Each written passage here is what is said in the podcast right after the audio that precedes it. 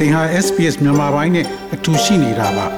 sbs.com.au/burmese မှာပုံမထူးခဲ့တဲ့သတင်းစာမားတွေကိုရှားဖွေပါသရရှင်များရှင် SBS အနေနဲ့ကျွန်ုပ်ဤ Australia My Australia ဆိုတဲ့ Australia နိုင်ငံမှာသူများတွေထက် တမူထူးခြားလောက်ကင်နေသူတွေရဲ့အကြောင်းကိုတင်ဆက်တဲ့အစီအစဉ်ကိုထုတ်လွှင့်နေပြီးဒီကနေ့မှာတော့အာယာခါလစ်ရဲ့အကြောင်းကိုတင်ဆက်ပေးမှာဖြစ်ပါတယ်။အာယာခါလစ်ဟာဩစတြေးလျနိုင်ငံကာကွယ်ရေးတပ်ရဲ့မျက်နှာစာကိုပြောင်းလဲနေသူတူဖြစ်ပါတယ်။သူမဟာအင်္ဂလိပ်စကားပြောတဲ့နောက်ခံကနေလာတဲ့လူမဟုတ်တဲ့အတွက်ဩစတြေးလျနိုင်ငံကာကွယ်ရေးတပ်မှာအလုပ်လုပ်ခွင့်ရမှာမဟုတ်ဘူးလို့ယူဆသူဖြစ်ပါတယ်။ ဒါပေမဲ့ဒီနှစ်ကစားပြီးသူမဟာ Adelaide မြို့မှာ Flying Officer အနေနဲ့လေတပ်မှာအမှုထမ်းဆောင်နေပါတယ်။ South Australia ပြည်နယ် Edinburgh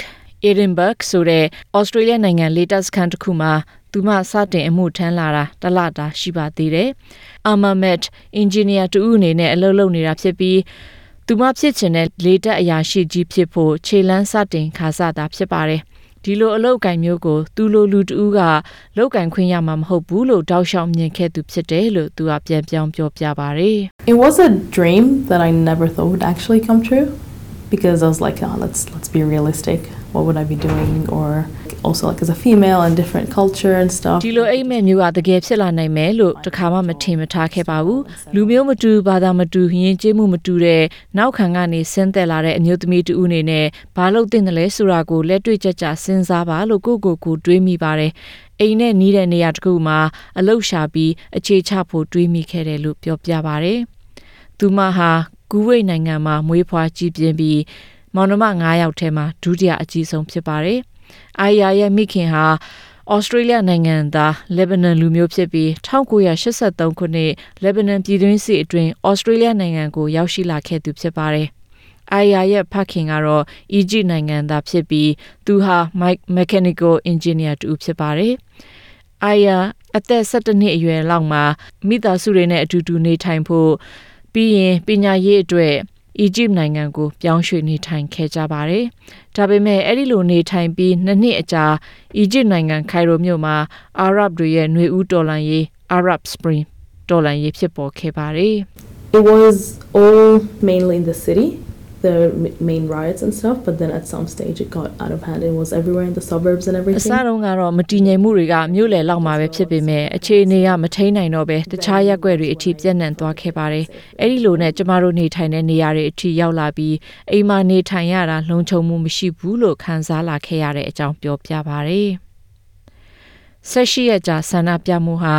မြို့တော်ခိုင်ရိုအပြင်တခြားနေရာတွေအထိရောက်ရှိသွားပါတယ်။အဲဒီလိုဆန္ဒပြမှုနဲ့ရုံရင်ဆန်ခတ်မှုတွေအတွင်းပြည်သူအယောက်900နီးပါးသေဆုံးရပြီးထောင်နဲ့ချီဒဏ်ရာရရှိခဲ့ကြပါတယ်။အဲ့ဒီလိုနဲ့အာယာရိုမိသားစုဟာဩစတြေးလျနိုင်ငံမှာအခြေချဖို့ဆုံးဖြတ်လိုက်ကြပါတယ်။ သူမရဲ့မိခင်ဟာဩစတြေးလျနိုင်ငံသားဆိုပေမဲ့ဩစတြေးလျနိုင်ငံမှာနေထိုင်မှုမရှိတာနှစ်ပေါင်း20ရှိသွားပြီးအာယာဟာဩစတြေးလျဆိုတဲ့နိုင်ငံကိုတခါမှမမြင်ခဲ့ဘူးသူဖြစ်ပါတယ်။ because we're pretty much returning citizens we didn't have any support services to help us ကျမတို့ဟာဩစတြေးလျနိုင်ငံတဲကိုပြန်ဝင်လာတဲ့နိုင်ငံသားလိုပဲမြင်ကြတဲ့အတွက်ဒုက္ခသည်တွေခိုလုံခွင့်တောင်းလို့သူတွေလိုကျမတို့ကိုကူညီပေးမဲ့ဝန်ဆောင်မှုတွေမရခဲ့ပါဘူး နင်တို့ကဩစတြေးလျနိုင်ငံသားတွေပဲနင်တို့ဒီနိုင်ငံမှာဘာလို့ရမလဲဆိုတာနင်တို့ကကောင်းသိတယ်ဆိုတဲ့သဘောမျိုးဖြစ်ပါတယ်ဟိုတယ်မှာငါးပတ်အကြာလောက်နေထိုင်ပြီးတရားဝင်နီးတဲ့ဘာတွေလောက်ကင်နိုင်တယ်လဲနေထိုင်ဖို့နေရာရဖို့ဘယ်လိုလုပ်ကြမလဲစတာတွေကိုစဉ်းစားကြရပါတယ်ကျမရဲ့မိဘတွေအတွက်ကတော့အတော့ကိုခက်ခဲမှဖြစ်ပေမဲ့ကျမတို့တွေစွစွဆူစီတော့အတူရှိနေခဲ့ကြတယ်လို့ပြောပါတယ် What I really remember was I loved how clean it was and how like ကျမမမိတလောက်တော့အရန်ကိုတန်ရှင်တိုက်ရခဲ့တာကိုသဘောကျမိခဲ့တယ်လို့ပြောပြထားပါတယ်။သူတို့ဟာမဲလ်ဘန်မြို့မြောက်ပိုင်းမှာအခြေချပြီးအာယာဟာ17တန်းစာအမိလိုက်ဖို့ကြိုးစားရမယ့်အစား12တန်းကိုတန်းပြီးတော့ဝင်ဝင်ရောက်ခဲ့ပါတယ်။သူចောင်းစားတဲ့တဲ့အချိန်တုန်းကအားလချိန်တွေနေ့လယ်စာစားချိန်နဲ့ចောင်းပြီးချိန်တွေမှာစာရီနဲ့သာအချိန်ကုန်လွန်စေခဲ့ပါတယ်။ သူဟာတခြားအကြောင်းသားတွေကိုလိုက်မီယုံတာမက စာတော်တဲ့လူဖြစ်လို့ RMIT တက္ကသိုလ်ကနေသူ့ကို Aerospace Engineering လေ့လာဖို့ကမ်းလှမ်းမှုရခဲ့ပါတယ်။ဒါဟာနောက်နောင်ကျရင်သူမရဲ့ကံကြမ္မာကိုပုံဖော်ခွင့်ရစေမဲ့ပထမခြေလှမ်းဖြစ်ပါတယ်။ I was like 14 or 15 years old. I didn't even know what engineering was, but I told my dad I'm going to be an engineer like you one day. အဲ့ဒီတော့ကကျမအသက်14 15နှစ်ပဲရှိပါသေးတယ်။ အဲ့ဒီတော့ engineer ဆိုတာဘာလဲဆိုတာတော့မသိခဲ့ပါဘူး။ဒါပေမဲ့ကျမရဲ့ဖခင်ကိုတနေ့ကျရင်အဖေလိုပဲသမီးလည်း engineer လုပ်မယ်လို့ပြောခဲ့ဖူးတယ်လို့ပြောပြပါတယ်။သူမရဲ့နောက်ဝတ္တနာတစ်ခုကတော့စစ်တပ်ထဲဝင်ရောက်ရေးဖြစ်ပါတယ်။ engineer အလုပ်နဲ့ကာကွယ်ရေးတပ်အလုပ်ကို ပေါင်းလုပ်လို့ရတယ်ဆိုတာကိုသိရတဲ့နောက်ပိုင်းသူမဟာလေတက်ထဲဝင်ဖို့ရှောက်လွှာတင်ခဲ့ပါတယ်။သူဆုံးဖြတ်ချက်ချပြီးနောက်သူ့ရဲ့ဆုံးဖြတ်ချက်ကိုလည်း မိသားစုဝင်တွေကိုအသိပေးလိုက်ပါတယ်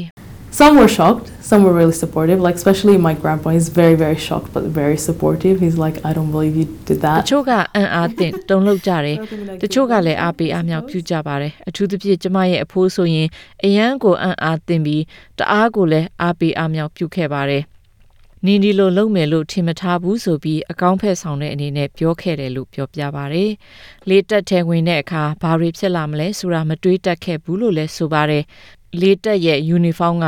သူ့ရဲ့ဘာသာတရားလိုအပ်ချက်နဲ့ကိုက်ညီပါမလားလေးတက်မှာဟာလာအစားအစာတွေရနိုင်ပါမလားလို့တွေးပူမိခဲ့ပေမဲ့သူမလိုပဲ hijab ခေါင်းပေါင်းပေါင်းနဲ့စီအမှုတန်တူရဲ့လမ်းပြဥဆောင်မှုကြောင့်အဆင်ပြေသွားခဲ့ပါတယ်။လေးတက်ဖို့ဆောင်ကိုပထမဦးဆုံးဝတ်တဲ့နေ့ကတော့သူ့အတွက်မမေ့နိုင်ဆုံးနေ့တစ်နေ့ဖြစ်တယ်လို့ပြောပြပါတယ်။ I was almost dancing in there because it's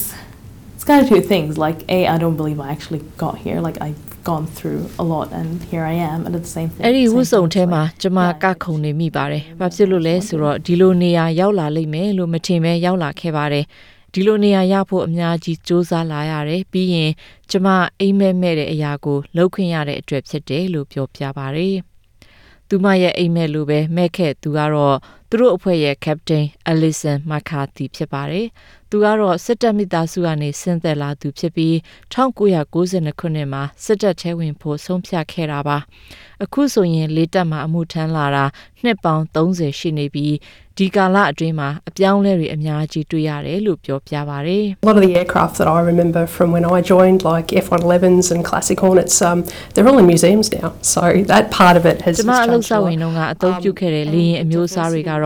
F111 နဲ့ Hornet အမျိုးအစားတွေဖြစ်ပါတယ်။အဲ့ဒါတွေကအခုဆိုရင်ပြတ်တိုက်ထဲကိုရောက်ရှိကုန်ပါပြီ။အဲ့ဒီတော့အပြောင်းလဲတွေကအများကြီးပါပဲ။လူမျိုးပေါင်းစုံဘာသာပေါင်းစုံလည်းပိုများလာတယ်လို့ပြောပါတယ်။ Group Captain မာကာတီအနေနဲ့လေးတက်ထဲဝင်တော့ကဆိုရင်တင်နန်းသားအယောက်30မှာသူကအမျိုးသမီးတဦးအနေနဲ့သာပါဝင်ခဲ့တာဖြစ်ပေမဲ့ အခုဆိုရင် Australian လေတက်မှာအမျိုးသမီးပါဝင်မှုက25ရာခိုင်နှုန်းရှိပြီးအရင်နှစ်တုန်းကကျောင်းပြီးသွားတဲ့လေတက်သင်တန်းသား40ရာခိုင်နှုန်းဟာအင်္ဂလိပ်မဟုတ်တဲ့တခြားဘာသာစကားကိုပြောဆိုသူတွေဖြစ်ကြပါတယ်။လေတက်မှာလူမျိုးပေါင်းစုံဘာသာပေါင်းစုံယဉ်ကျေးမှုပေါင်းစုံဖြစ်လာတာကဗဟုသုတပေါင်းစုံနဲ့အမြင်ရှုထောင့်ပေါင်းစုံရရှိစေတယ်လို့ Alison McCarthy ကပြောပါတယ်။ We want those uh, unique experiences. We want that unique perspective. Um, တမူထူး and ခြား we တဲ့ want အတွေ့အ that ကြုံ as တွေ part of ရှုထောင့်တွေကိုကျမတို့ရဲ့အသင်းမှာလူချင်ပါတယ်။အဲဒီတော့အမြင်ရှုထောင့်တွေပိုဆုံလေးလေးအနာဂတ်မှာကျမတို့ရင်ဆိုင်ရနိုင်တဲ့စိန်ခေါ်မှုတွေကိုပို့ပြီးတော့ဖြေရှင်းနိုင်လေးလေးဖြစ်မယ်လို့ပြောပါတယ်။ အာယာဟာ ကူဝိတ်နိုင်ငံနဲ့ အီဂျစ်နိုင်ငံမှာ အရင်နေထိုင်ခဲ့လို့ ဩစတြေးလျဟာ သူမရဲ့ တတိယမြောက်နိုင်ငံဆိုပေမဲ့ သူအပျော်ဆုံးနိုင်ငံနဲ့ အိမ်လို့ အခန်းစားရဆုံးကတော့ ဩစတြေးလျပဲလို့ ပြောပါတယ်။ဒီနှစ်မှာပဲ ဩစတြေးလျကာကွယ်ရေးတပ်မှစတင်အမှုထမ်းတာဖြစ်ပေမဲ့ ဒီနိုင်ငံအသစ်မှာ နှစ်ပေါင်းများစွာ ဆက်လက်ပြီးတော့ အမှုထမ်းဆောင်နိုင်ဖို့ မျှော်လင့်နေတယ်လို့ ပြောပါတယ်။ Flying Officer Aya Khalid ဟာ လာမယ့်15နှစ်အတွင်းမှာ squadron leader ရာထူးရအောင်စ조사ဖို့မျှော်လင့်နေပြီးဒီနောက်ပိုင်းမှာဘာလုပ်ရမလဲဆိုတာမသိသေးဘူးလို့ပြောပါရယ် group captain alison mccarthy ကတော့ဩစတြေးလျနိုင်ငံကလူမျိုးခြားဘာသာခြားအမျိုးသမီးတွေအတွက်လမ်းဖွင့်ပေးနိုင်အောင်ကြိုးစားလှုပ်ဆောင်ပေးနေတယ်လို့ပြောပါတယ် Having uh, people like flying officer Khalid uh, as an example that we can show you know, if she really enjoys her career flying officer successful and အာယာခါလစ်လိုလူတွေရှိချင်အဖြစ်သူ့ရဲ့အလုပ်မှာသူအင်မတန်ပျော်ရွှင်နေတာကိုကျမတို့လည်းပြသနိုင်ပြီးအကယ်၍သူမအောင်မြင်သူတူဖြစ်သွားရင်တခြားလူတွေကလည်းသူမကိုအားကြပြီးလေးတက်မှာအလုပ်လုပ်ခြင်းစိတ်တွေဖြစ်လာစေနိုင်တယ်လို့ပြောသွားခဲ့ပါတယ်။အခုလောလောဆယ်အာယာခါလစ်အတွေ့ကတော့ သူမမလုံနိုင်တာမရှိပဲ sky is the limit ဆိုတဲ့အနေအထားမှာသာရှိနေတဲ့အကြောင်းရေးထားတဲ့ Abby Dingham ရဲ့ဆောင်းပါးကိုတင်ဆက်လိုက်ပါတယ်ရှင်။